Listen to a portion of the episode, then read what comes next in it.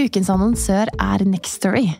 En abonnementstjeneste for lydbøker, der du får tilgang til ikke uendelig, men svært mange lydbøker på nett. Å ja. Et helt univers, rett og slett. For meg har det passet perfekt nå i vinterferien. For da har jeg hatt ekstra tid eh, til å gå lange turer og lytte til bøker. Og så har jo vi en date i kveld, eh, Ingvild. Eh, vi skal på teater og se Anna Karenina. Så da bestemte jeg meg for å bruke Next Story for å lese gjennom den på nytt.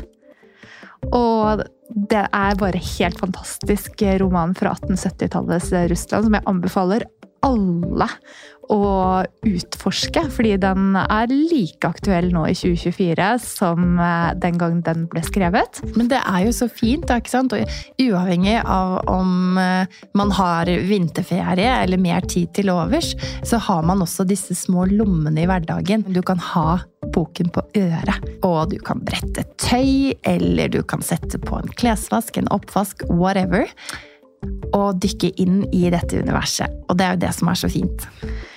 I, eh, I, tillegg, da, når uh, disse små dine kommer med den samme boken for 15. gang, Ingvild, og spør ja. mamma kan du lese denne, så er selvfølgelig det veldig hyggelig, men det kan også være eh, vel så hyggelig å, å få eh, boken servert fra noen andre, så kan man lytte sammen. Eh, vi har hørt mye på Albert Aabergs lydbøkene i Nextory, for det er et univers som både min femåring og min toåring elsker.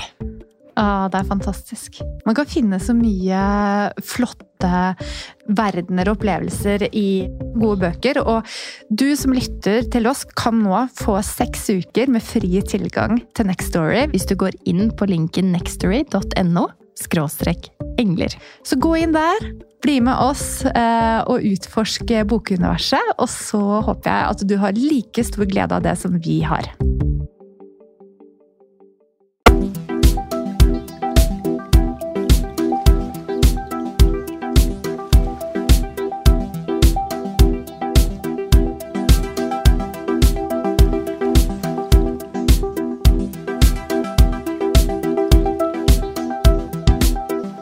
Velkommen til Engler og hormoner. Inspirasjon og ny kunnskap om helse, selvutvikling og livsstil.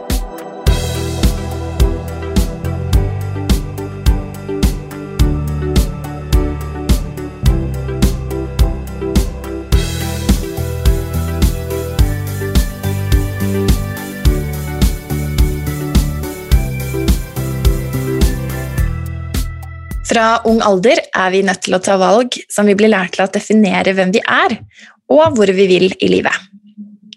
Fra denne tiden så fortsetter veivalgene, og hvem har sagt at disse valgene blir enklere eller mindre betydningsfulle? Kanskje har du stått i en arbeidssituasjon du over lengre tid ikke har vært fornøyd med og egentlig ønsker deg ut av. Kanskje har du vurdert å bytte karriere, starte med en helt ny utdannelse, skifte jobb. I alle disse endringssituasjonene så er det indre mekanismer i deg selv som gjør at du trekker deg, eller våger å satse. For å lære oss mer om hvordan og hvorfor noen velger å kjøre på eller la være, har vi i dag invitert vår kjære mentaltrener Anniken Binds. Hjertelig velkommen! Tusen takk, så hyggelig å være tilbake her. Og det føles som at det er en evighet siden, Anniken. Ja, det gjør det. Men sånn skjer når det er mye som, ja, mye som skjer i livene våre, og på mange fronter, så, så, plutselig så har det gått tid. Det har gått tid. Det, har, det er jo en baby siden sist. Det er det. Men fortell litt eh, om deg, da, Anniken, for de av lytterne våre som ikke kjenner deg. Det vil jeg tro at eh, de aller fleste gjør. Så hva har skjedd hos deg siden sist? Oh, jeg husker ikke når sist var, men uh, det er mer av det samme. Altså, jeg jobber hver dag med å hjelpe andre til å få det bedre og takle endringer i livet, tørre å gjøre ting de egentlig ikke tør å gjøre, og stå stødigere i seg selv.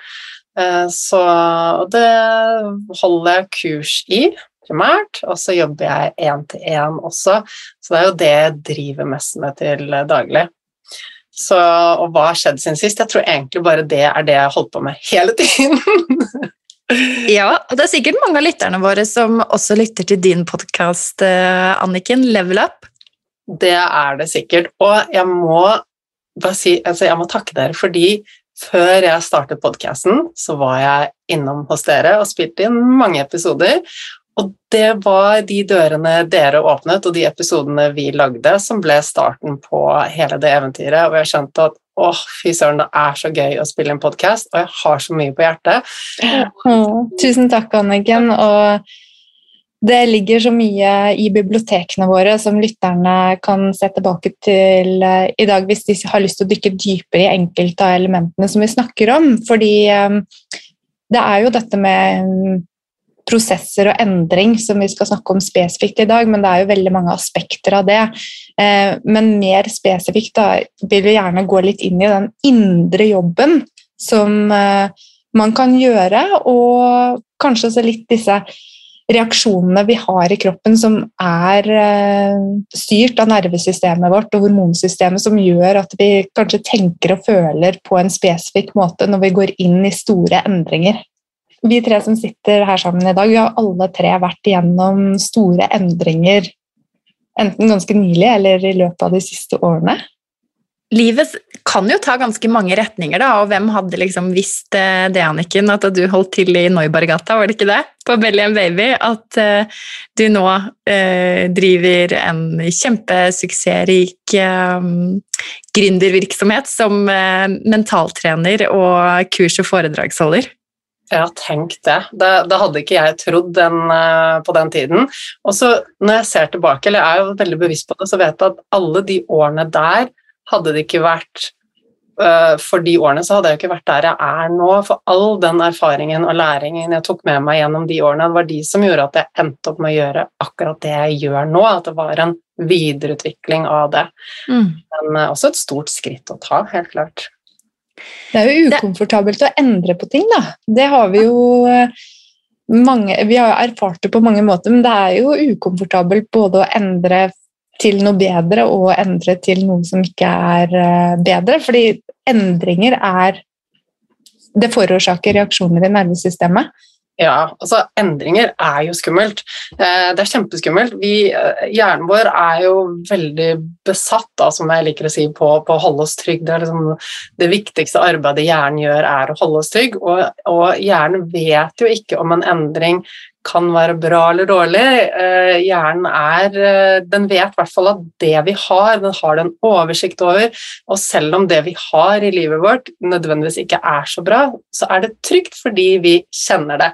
Så, så det er litt sånn paradoks, da, fordi vi blir ofte holdt fast i de tingene som kanskje ikke er bra for oss, eh, men vi blir holdt fast der fordi det kjennes trygt ut.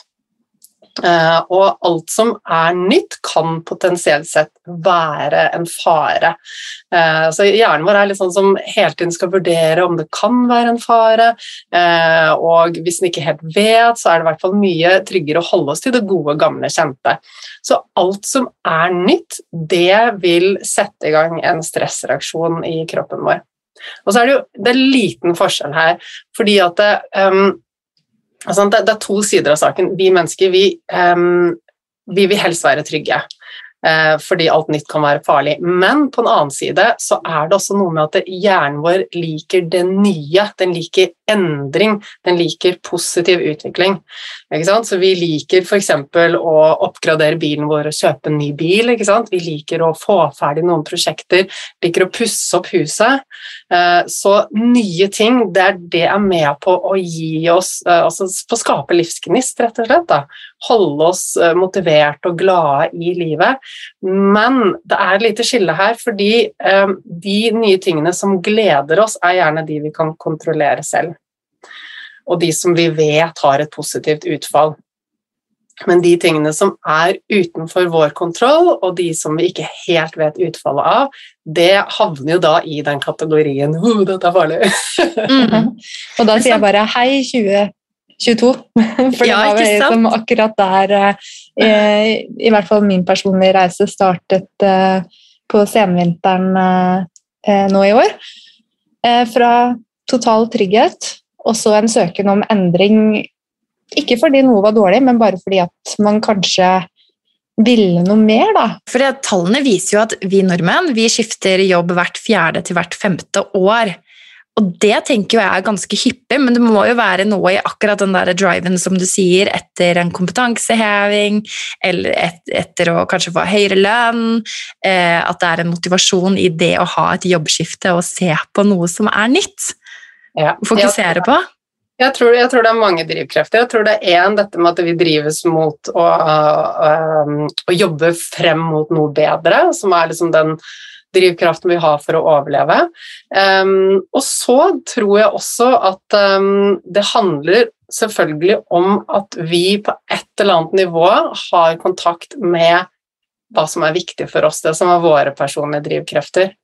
Uh, og at vi hele tiden ønsker å bevege oss mot de i større eller mindre grad. Noen har bare kuttet av all kontakt med det de har på innsiden, og, um, og finner seg i å være i situasjoner som ikke er bra, mens de fleste av oss har en eller annen sånn kontakt med Vi kan kjenne etter ok, nå er jeg uh, et sted hvor det er bra, eller nå er jeg et sted hvor jeg ikke er fornøyd, og så kan vi også da kjenne at ja, det er noe mer jeg vil, hva er det? Og får vi en bevissthet rundt det, så er det også en drivkraft som hjelper oss til å bevege oss fremover.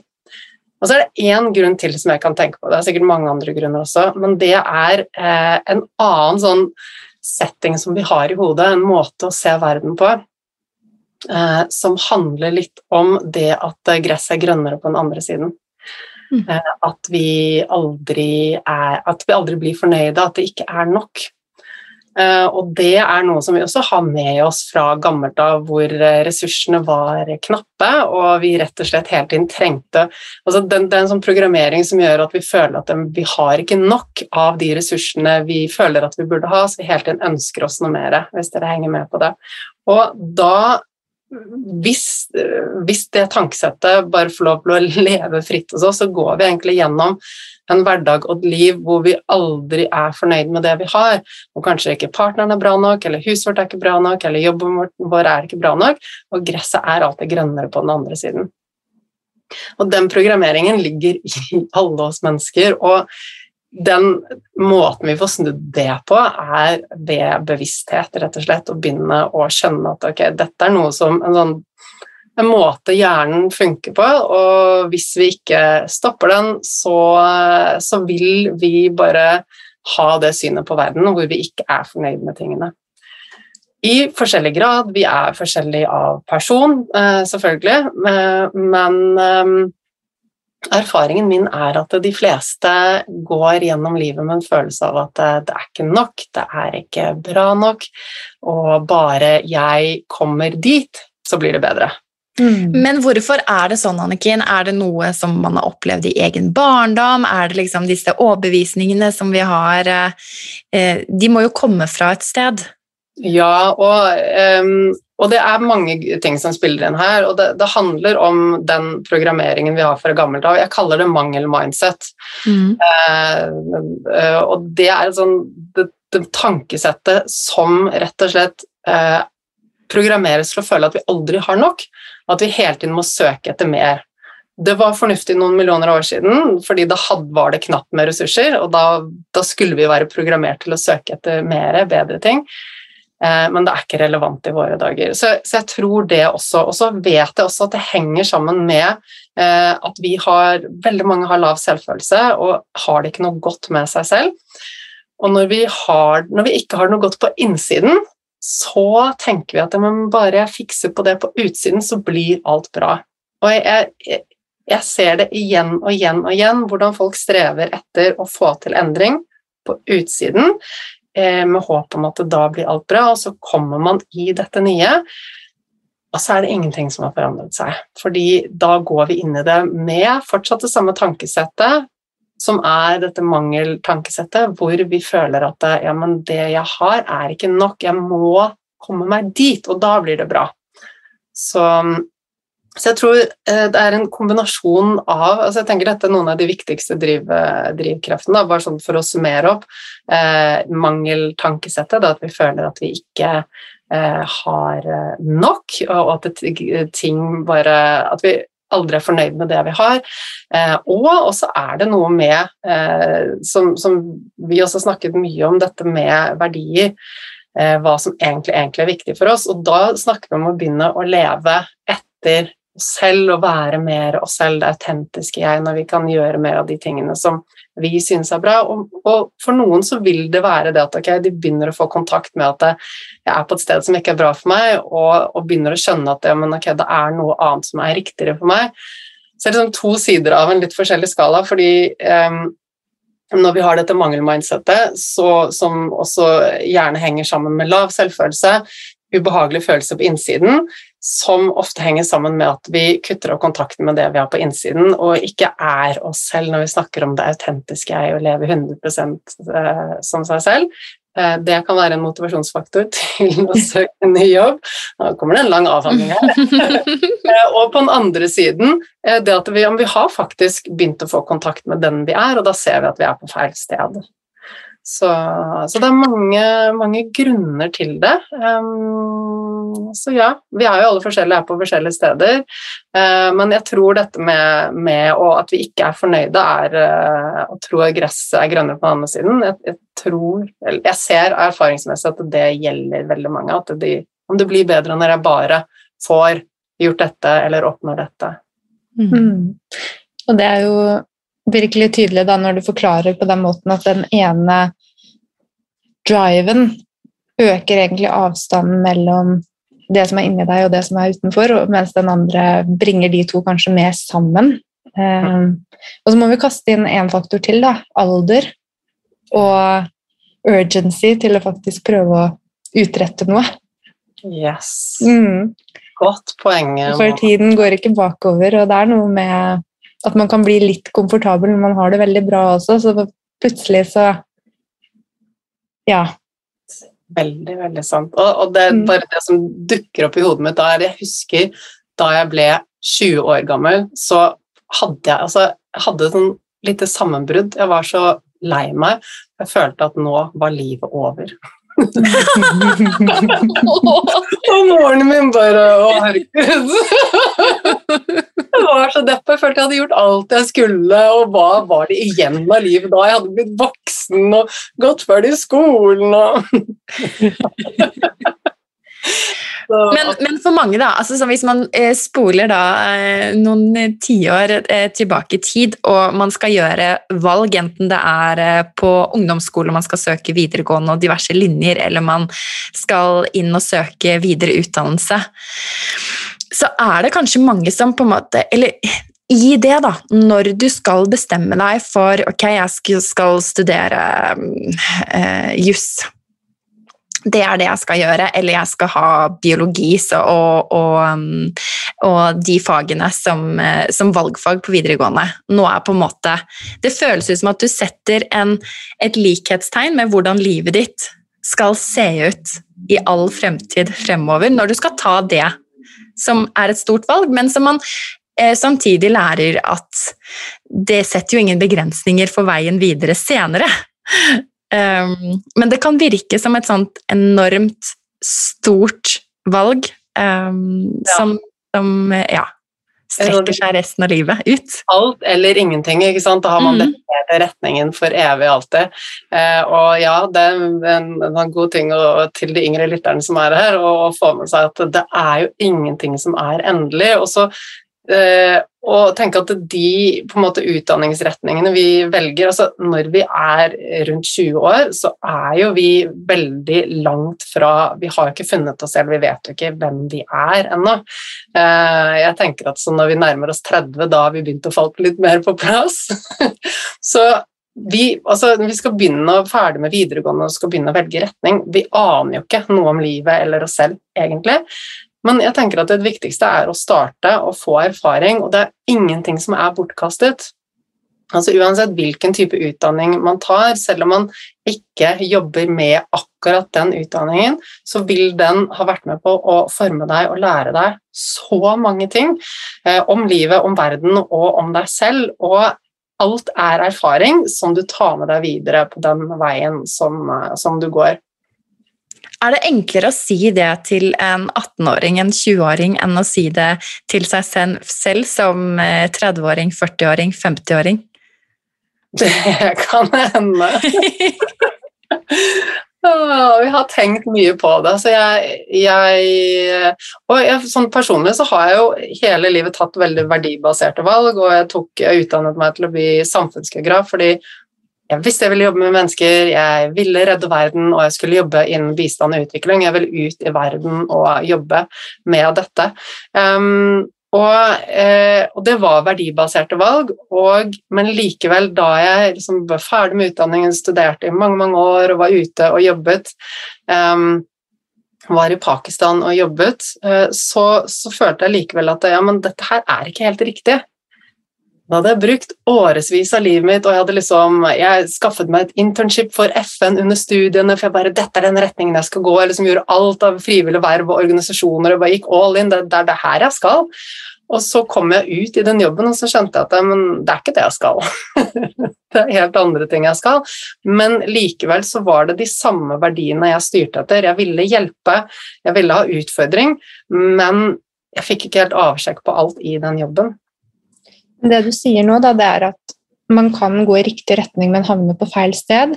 Ja. Og så er det jo noen da som vil bli fordi at det føles riktig. Du har tatt et studieløp, du har den riktige jobben, alt ser riktig ut.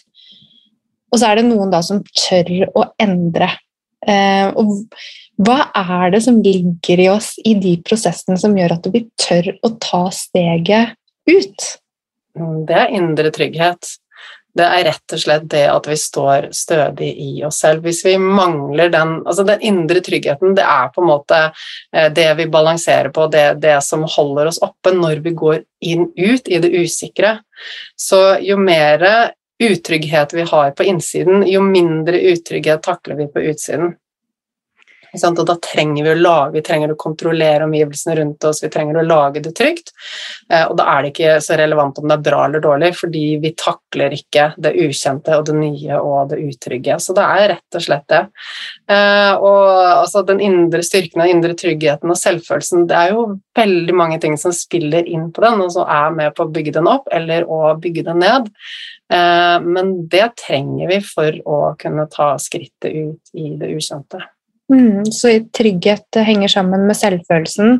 Mm. Eh, men uansett, da, når du er i en sånn type endringsprosess, så tror jeg de fleste får litt eh, styggen på ryggen innimellom og får høre denne stemmen bak i hodet, som kanskje mange kaller for imposter syndrome også. Hva er det du tror du gjør nå?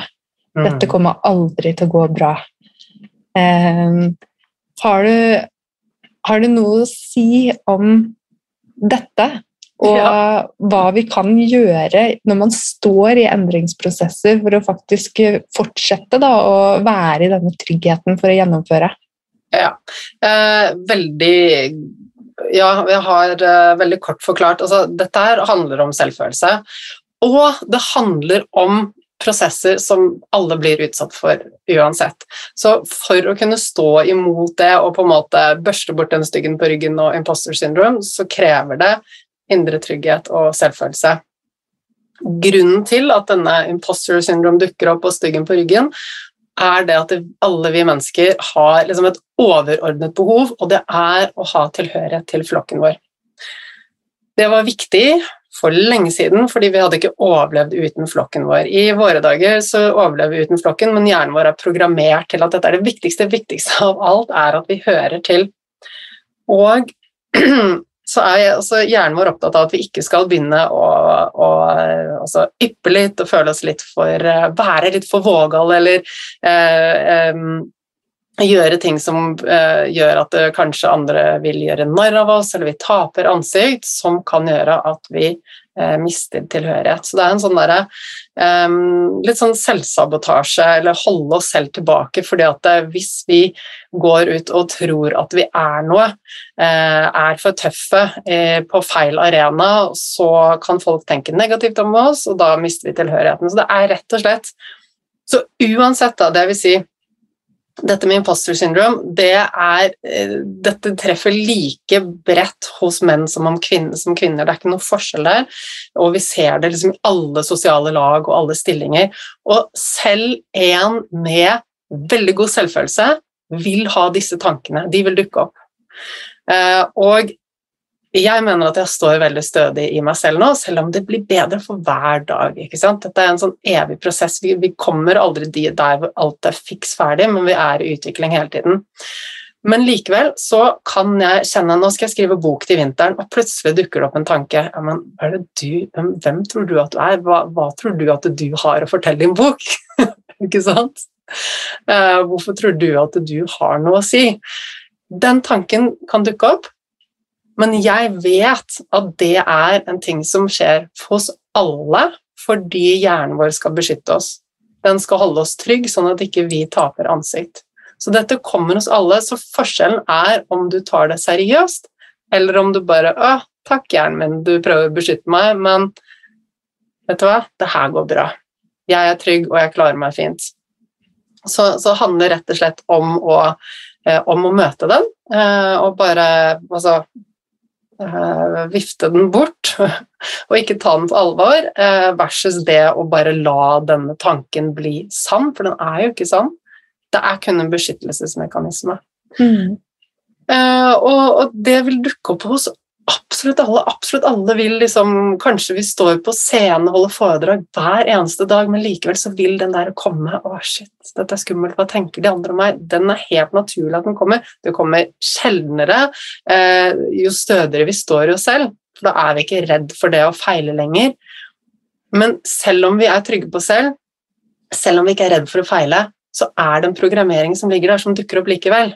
Mm. Mm. Og, og, som eh, kan begrense oss. Men selvfølgelig, eh, og jeg, ja, som du sier, jeg kjenner meg også igjen i akkurat det der, men hvordan er det vi kan eh, jobbe mentalt for å se mulighetene og for å eh, jobbe frem mot et mål, da?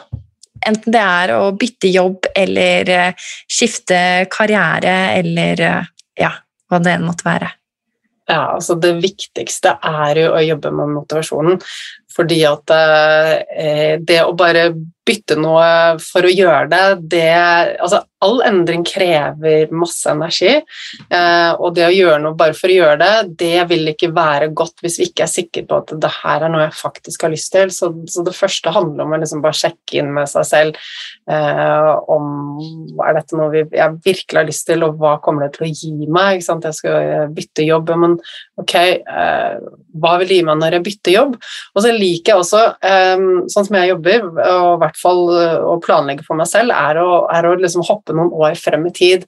Og dette gjør jeg sammen med mannen min. Vi er sånn Ok, eh, hvordan har vi lyst til at livet vårt skal være om ett år, og om to år, tre år, fire år, fem år?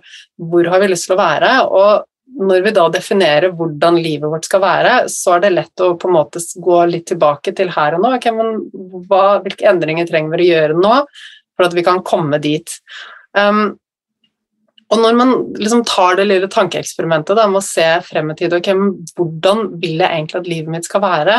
Og Én ting er å sjekke inn med seg selv, men er man i et parforhold, så handler det også om å sjekke inn med hverandre og bli enig på familiens vegne eller parforholdets vegne. Hvor har vi lyst til å være? Hvordan vil vi at livet vårt skal være?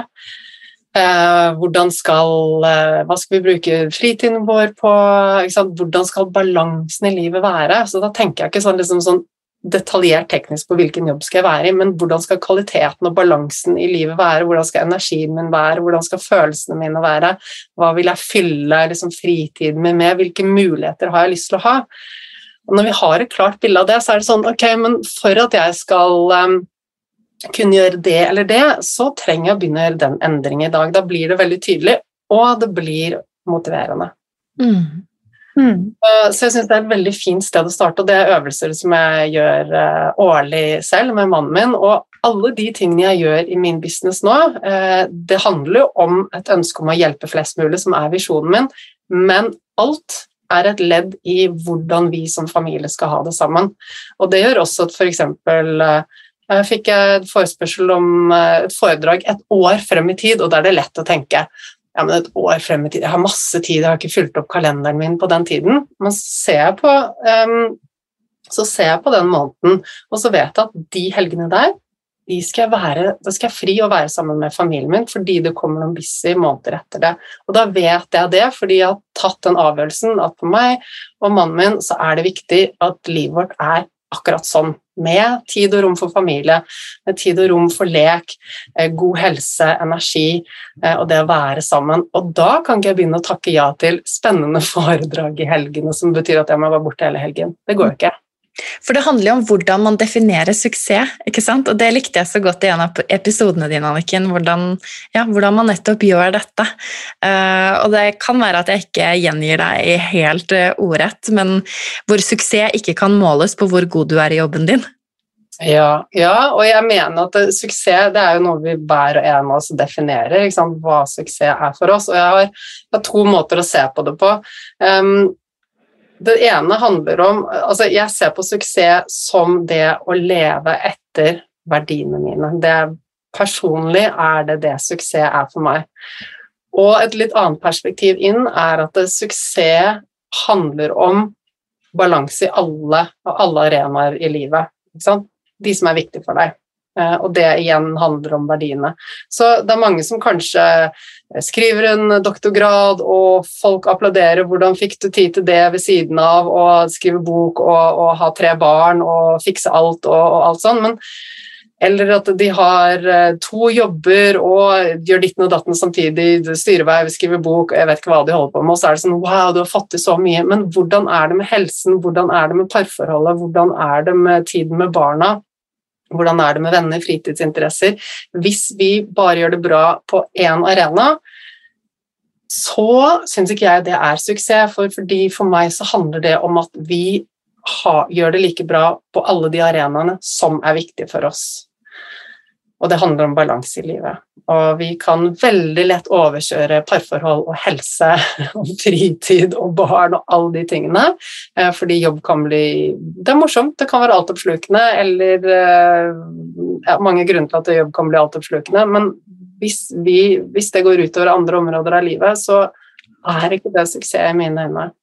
Vi kan snu den rundt også, tenker jeg. Altså det at man ikke trives i jobben, er altså en veldig stor negativ eh, eh, påvirkning på helsen vår. at eh, opplever i hvert fall i klinikk at mange som har utfordringer på jobben, som står i konflikter eller står i situasjoner der de ikke er komfortable, at det har også mye å si for helsen ellers, både ved påvirkning av søvn og eh, mental eh, Hvordan du har det. Ja, men jeg syns også det er litt interessant det du sier med tilbake til den med eh, imposter syndrome eller bedragersyndrom, at det treffer både gutter og jenter. Fordi eh, når en mann skal søke jobb, så er man mye Det er i hvert fall skrevet eh, i forskningen om at de har eh, mye mer lett for å søke på en jobb der de kanskje mangler en av kvalifikasjonene, mens kvinnene helst vil føle seg overkvalifisert for å kunne tørre å søke en jobb. Mm. Um, og det er jo utrolig mange som venter på å bli avslørt fordi de føler at de egentlig ikke er gode nok på det de gjør. Uh, det tenker jeg er fint også om flere kunne snakke om, fordi de føler seg ene og alene alene med de tankene også.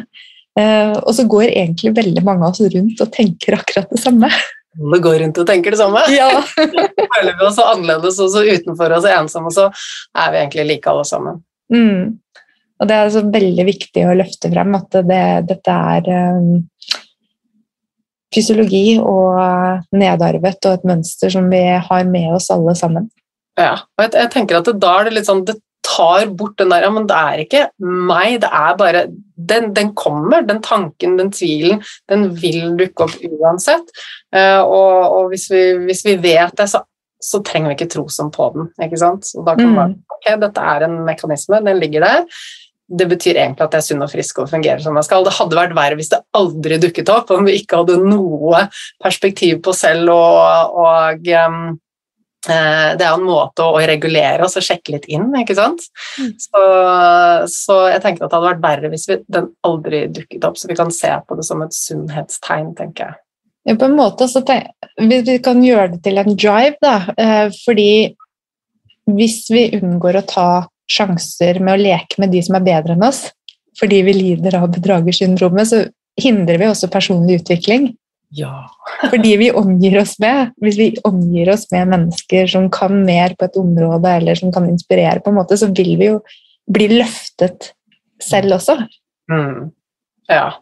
Og, men der er jo vi mennesker ikke sant? Dette med å utfordre oss, det er noe vi må ta tak i og gjøre. Og vi er jo, ikke sant, som vi sa i sted, vi er programmert til å holde oss trygge, til å safe den.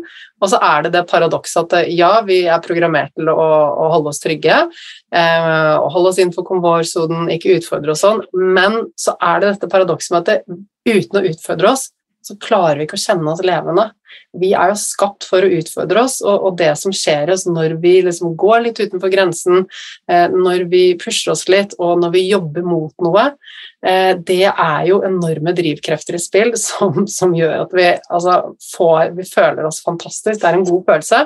Um, som vi får fordi vi mennesker eh, så går vi tilbake noen millioner år igjen, så vi, vi hadde jo ikke vært, kommet noe sted hvis vi mennesker ikke hadde den drivkraften eh, og søkte etter å utvikle oss. Så, så, den gir oss gode følelser, men samtidig så er det også den Vi skal bruke minst mulig energi, vi skal holde oss trygge. Så vi har liksom to litt sånn motstridende krefter i oss.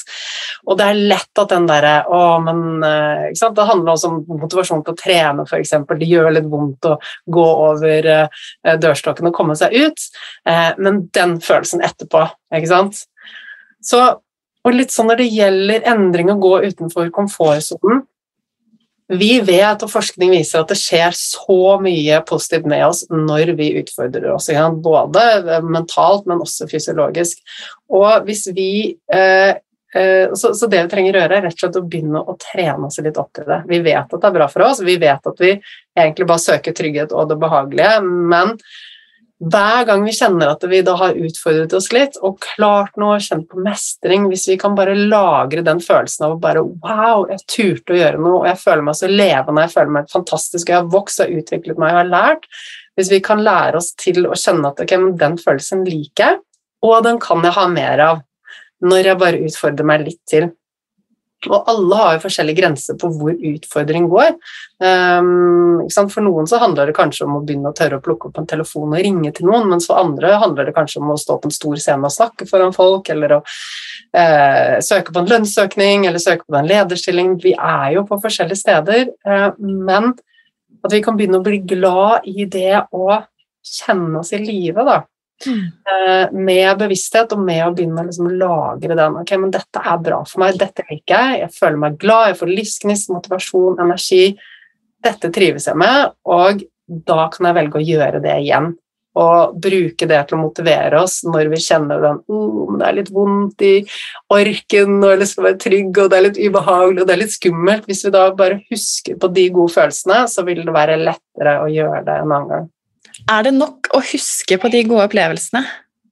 Og hvordan, hvordan, kan vi liksom lagre de? Fordi i hvert fall kjenner jeg meg igjen i det. da, Hvis man eh, opplever én eh, negativ ting blant eh, fem eh, veldig positive, så er det jo den ene negative tingen jeg tar med meg, og som jeg dyrker, på en måte. Mm. Så ja. Jeg tror, det, jeg tror, det, handler mye om bevissthet. fordi at uh, vi, Hvis vi bare går gjennom dagen uten å på en måte reflektere så mye over hvor vi er og, og hva vi gjør og hvordan vi har det, så, så blir det også vanskelig å motivere oss for å, for å ta det skrittet ut. Eh, men om vi eh, har litt kontakt med oss selv og reflekterer over ok, men hvordan har jeg det egentlig nå, så vil vi jo kjenne at ok, når jeg bare safer den hele tiden, så, så blir livet ganske dødt. og jeg er ikke noe glad. Uh, og den lille sånn, samtalen, dialogen med oss selv hvor vi bare Ok, men jeg vet jo at uh, jeg er gladere når jeg prikk, prikk, prikk. Og det som er det som er, Vi har snakket om motivasjon også i tidligere episoder, og jeg ser jo det alltid når jeg setter meg ned og kartlegger verdier med kunder, så dukker utfordring, utvikling og mestring opp på verdilisten. Alle liker det. Vi er kanskje ikke klar over det ennå, men alle liker det. Så det å bare begynne å bli mer og mer bevisst, og bare ta det inn over seg at det, utvikling og læring og mestring, det liker vi alle. Eh, å sette det på agendaen, det er viktig. Um, men i forhold til Altså, vi er jo sånn, uh, Ingvild, at vi styrer etter det som gir oss gode følelser. Vi er bare ikke veldig bevisst på hva det er som gir oss de gode følelsene. Så jo oftere vi tenker på den gode følelsen som vi får når vi har gjort noe litt utenfor komfortsonen, eller bare tatt en løpetur, eller hva det er. Ta en løpetur i regnet, f.eks. Altså, hvor god følelse er ikke det etterpå? Fantastisk. Og de følelsene kan man lagre ved å Du kan ta den løpeturen i regnet, komme inn så bare, ja, det var deilig, og så setter jeg meg ned og ser på Netflix, og så har jeg glemt det. Eller du kan stoppe opp og bare Du kommer inn, og du har liksom roser i kinnene, og du tar en dusj og blir varm, og tar en kopp te, og du bare ah, Du kan kjenne etter. Så når du kjenner etter, så lagrer du også følelsen mye, mye mer.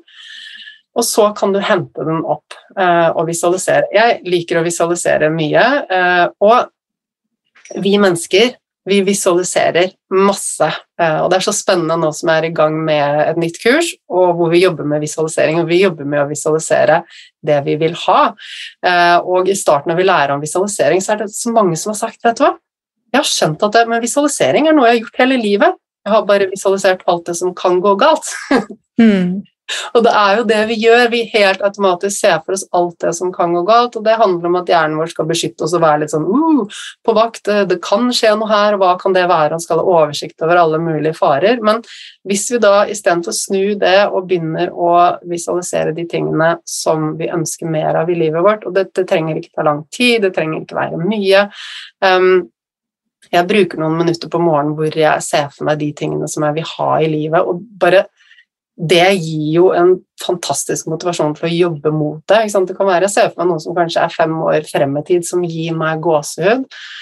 Og det gjør at jeg blir motivert til å gå inn og gjøre den tunge mm. jobben som er for å komme dit.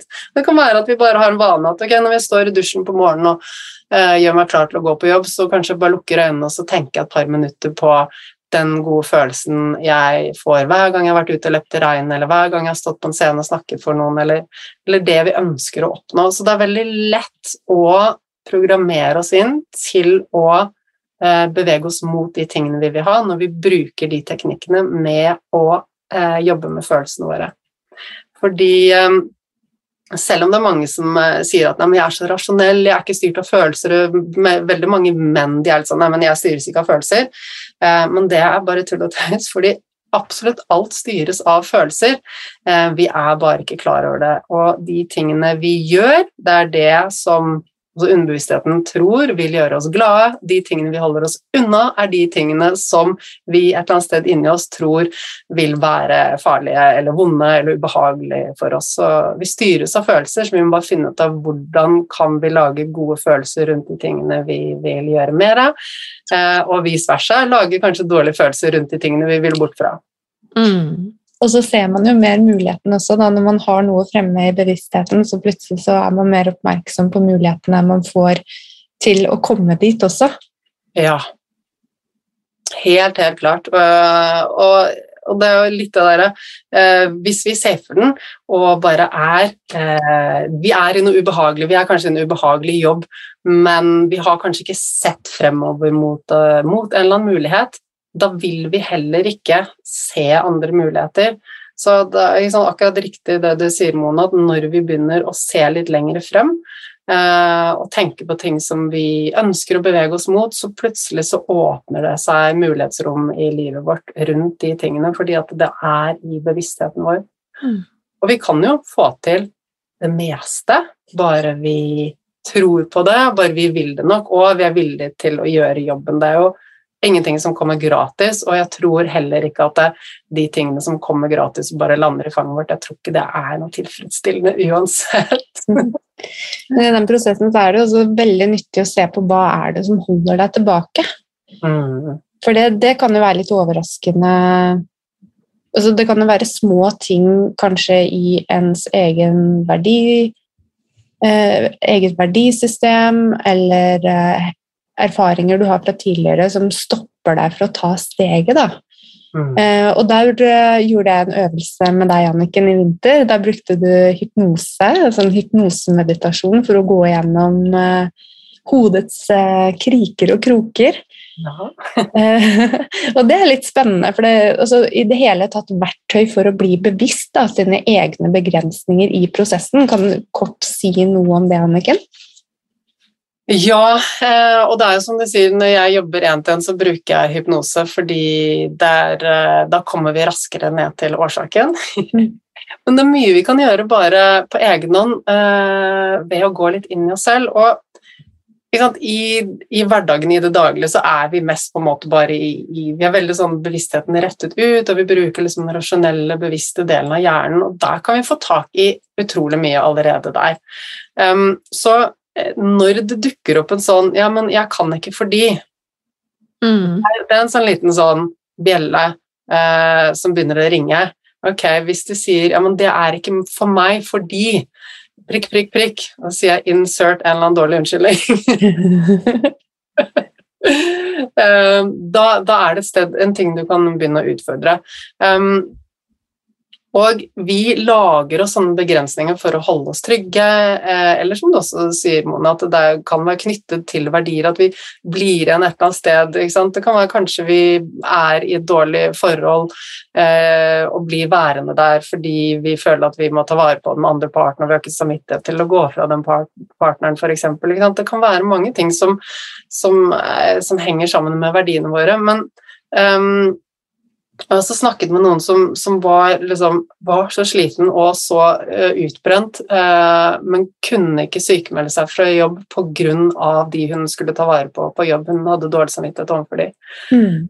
Uh, og, og, da, Det er en liten varsellampe, og klarer vi ikke på en måte å snakke oss selv gjennom det, så er det jo veldig fint å snakke med noen andre om det. fordi inni hodet vårt så, så, legger vi kanskje ikke merke til at det er en liten sånn feilkobling i denne tanken, men når vi sier det høyt og sier at det, nei, jeg kan ikke syke Jeg er så utslitt, eh, altså jeg er så supersliten, jeg klarer ikke mer, men jeg kan ikke sykemelde meg fra jobb fordi jeg må ta vare på noen andre på jobb, da. Eh, den personen jobbet innen helsesektoren.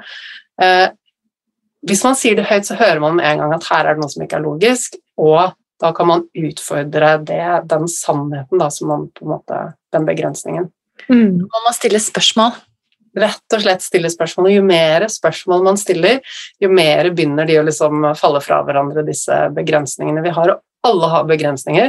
Mm. Alle setter seg begrensninger hele tiden for å beskytte oss mot å bli slitne, for å beskytte oss mot å drite oss ut, tape ansikt, feile. Eh, alle de tingene. Så vi skaper begrensninger uten at vi vet det. Um, og det er ikke sånn at vi må riste løs i alle begrensninger hele tiden, for det kan være ganske røft. Men er det noen av de som holder oss på et sted i livet hvor ting ikke er bra, så har vi lov å begynne å stille spørsmål, og, gjerne snakke med noen andre. Liksom. Har man en venn, en partner, et eller annet som man kan diskutere det med, og man sier disse tingene høyt, så får man et annet perspektiv på det, og da, da skjønner man at ok, jeg kan ikke holde på med dette fordi jeg har dårlig samvittighet for noen andre, skal, liksom, skal hele livet mitt gå i grus fordi jeg har dårlig samvittighet for noen andre. Så, mm. ja. Men går dette her også litt ut på det, altså på identiteten vår, og hvem vi har en overbevisning eller selv mener at vi er? Kan det være med på å holde oss, ikke strekke oss etter å bli en leder på jobb, f.eks., for fordi det er ikke for meg, fordi jeg har eh, arvet et sånt verdisyn eller eh, på meg selv, da. Mm. Ja, det har du helt, helt, helt uh, rett i, Ingvild. Altså, de tankene vi gjør om oss selv, eh, identiteten vår, det styrer jo Det legger jo lokk, uh, eller setter begrensninger, eller skape muligheter for oss. Ikke sant? Så de tingene vi får høre gjennom barndommen F.eks. fikk jeg høre veldig ofte at jeg var klumsete og klønete. Eh, så jeg gjorde ikke noe sportslig utfordring i det hele tatt gjennom oppveksten, fordi jeg var jo klønete og klumsete. Det var min identitet. Så jeg, jeg, jeg, så liksom de som drev på med sport, og sånn, altså, jeg så nesten De var en sånn en annen rase, fordi jeg var ikke som dem, og jeg kunne aldri være som dem. Eh, men det er jo ikke sant i det hele tatt. I voksen alder så har jeg lært meg å både kjøre snowboard og, og surfe, og gjør det på et eh, jeg skal ikke si ekspertnivå, men intermediate bra nivå, da. Så jeg har absolutt ikke Altså, jeg er ikke klønete eller klumsete. Jeg kan få til det jeg vil, men dette var en begrensning eh, som ble sådd fordi noen sa til meg 'du er sånn'. Og gjennom oppveksten så får vi høre veldig mange 'du er sånn'. Og det kan kanskje være litt forskjell på hva jenter får høre, og hva gutter får høre også. ikke sant? Kanskje jenter får høre 'å, du er så omsorgsfull, og du er så god til å ta vare på andre'. ikke sant? Eh, kanskje gutter får høre Ja, hva får gutter kanskje høre? Du er så tøff. Ja, ikke sant? Mm. Eh, Så, så vi som foreldre har jo en veldig Det hviler mye ansvar på skuldrene våre eh, i forhold til hva vi sier til barna våre, og hvilke, for det skaper muligheter. Og det er så viktig, Anniken. Eh, Og det er egentlig en helt egen episode, fordi hvordan vi, hvordan vi påvirker barna våre, det, det er så viktig. Men av de tingene vi har snakket om nå, hvis jeg kan prøve meg på en liten oppsummering, så snakket vi om ting som kan holde oss tilbake. Eh, mangelmentalitet. det at vi tror at gresset er grønnere på den andre siden. Og der hadde jo veldig mange innspill eh, også i forhold til dette med å eh, være i den gode følelsen når du får til noe bra, men også være takknemlig for det du har, ikke sant? og sette pris på det som er eh, til stede. Um, bedragersyndromet eller den stygge stemmen som sier at du ikke er bra nok, eller at du kommer til å bli avslørt, den har vi alle. Eh, du kan si ifra at den ikke behøver å beskytte deg. Du er trygg. Og så er det viktig med motivasjon for å skape endring. Og hvis du er i tvil, så kan du stille deg selv spørsmålet hvordan vil jeg at livet mitt skal se ut om fem år? Det var veldig bra oppsummert, Mona. Du er god på å holde den røde tråden. og så er det litt morsomt Anniken, at når vi nøstet i mitt eh, garnnøste, så havnet vi tilbake i sløydsalen på barneskolen, der man hadde laget noen begrensende sannheter Ja. som var greit å rydde bort. Så det sniker seg bak der helt fra barndommen. Altså. Gjør det. Også det er helt utrolig hvor mye vi lærer å begrense oss gjennom eh, barndommen. Men det er tilbake til, eh, til det ikke sant? Det, det er to veldig viktige behov hos oss eh, mennesker. Og det, det, det ene er å være autentisk. Um, det er et behov vi alle mennesker har. Og hvorfor det? Dette her er ganske spennende, eh, som jeg bare skyter inn på slutten. Når vi er autentiske og, og er 100% oss selv, så lever vi etter våre egne følelser. Det betyr at vi har kontakt med magefølelsen vår. For hvis vi spoler tilbake noen millioner år eh, tilbake, så var magefølelsen en veldig viktig faktor som beskyttet oss mot farer. Det å kunne stole på den og lytte til den. Så det å være aut- 100 oss selv, være det autentiske jeg, som vil si være i kontakt med følelsene våre, det er noe som beskyttet oss mot farer i gamle dager. Så det er en viktig drivkraft hos oss mennesker, men den blir alltid trumfet av den andre drivkraften, det andre behovet vårt, som er viktigere, og det er tilhørighet. Så gjennom barndommen, er akkurat som du sier, Mona, vi gikk tilbake til barndommen din, gjennom barndommen så lærer vi oss i møte med verden at ok, men det jeg har å komme med, eller det jeg har å levere, eller det jeg tenker og føler, det er ikke verdifullt nok, så begynner vi å legge lokk på den vi er i møte med verden, fordi behovet for tilhørighet og trygghet er sterkere enn alt annet. Det handler om mat, øh, mat på bordet og være beskyttet mot farer. Og det kan være liksom et blikk fra noen som ser på deg og, eh, på skolen, og da tenker du kanskje at eh, de syns at eh, det er noe feil ved deg, og så føler du at eh, ok, jeg må, jeg må være mer som de andre, jeg må bli godtatt, og jeg kan ikke være den jeg egentlig er, og så begynner vi å legge lokk på, på den vi er. Mm. Så det var bare en liten digresjon, men jeg, jeg syns den er fin å ha med. Og hva skjer når vi legger lokk på den vi er, og ikke er oss selv? Eh, Vi mister kontakten med magefølelsen vår, som eh, i gamle dager var viktig for å beskytte oss. Men i våre dager, det som skjer, er at vi mister kontakten med, eh, med signalene fra kroppen stress, vi er sliten, vi har vondt, og det ser jo dere helt sikkert hver eneste dag i klinikken hvordan folk har bare kjørt det altfor langt og har fått så mange plager fordi de ikke har klart å lytte inn, fordi de rett og slett har skrudd av den kontakten. Og da kan man kjøre den veldig, veldig langt før man da til slutt går på en smell. Um, så, så, det å, å, være i kontakt med seg selv er jo helt essensielt for god helse, hvis jeg fikk skyte inn en hjertesak på slutten her. ja, det er vi takknemlige for. oh, jeg syns det er fint å tenke på ja, at eh, tross alt da, så lever vi i en tid der eh, det er mulig å ta tak i disse tingene og skape endring på en veldig trygg måte. Så avslutningsvis vil jeg bare rette en takk til eh, den første av disse menneskene tusener av år siden som brøt ut av gruppa og gjorde det mulig for oss å leve det livet som vi lever i dag. Å ja. Mm. Veldig. For en helt. Åh, gåsehud. Tusen takk Anniken. Det, det var så hyggelig å være tilbake her. Å ja, det var kjempefint. Vi høres. Ja, vi. Ha det.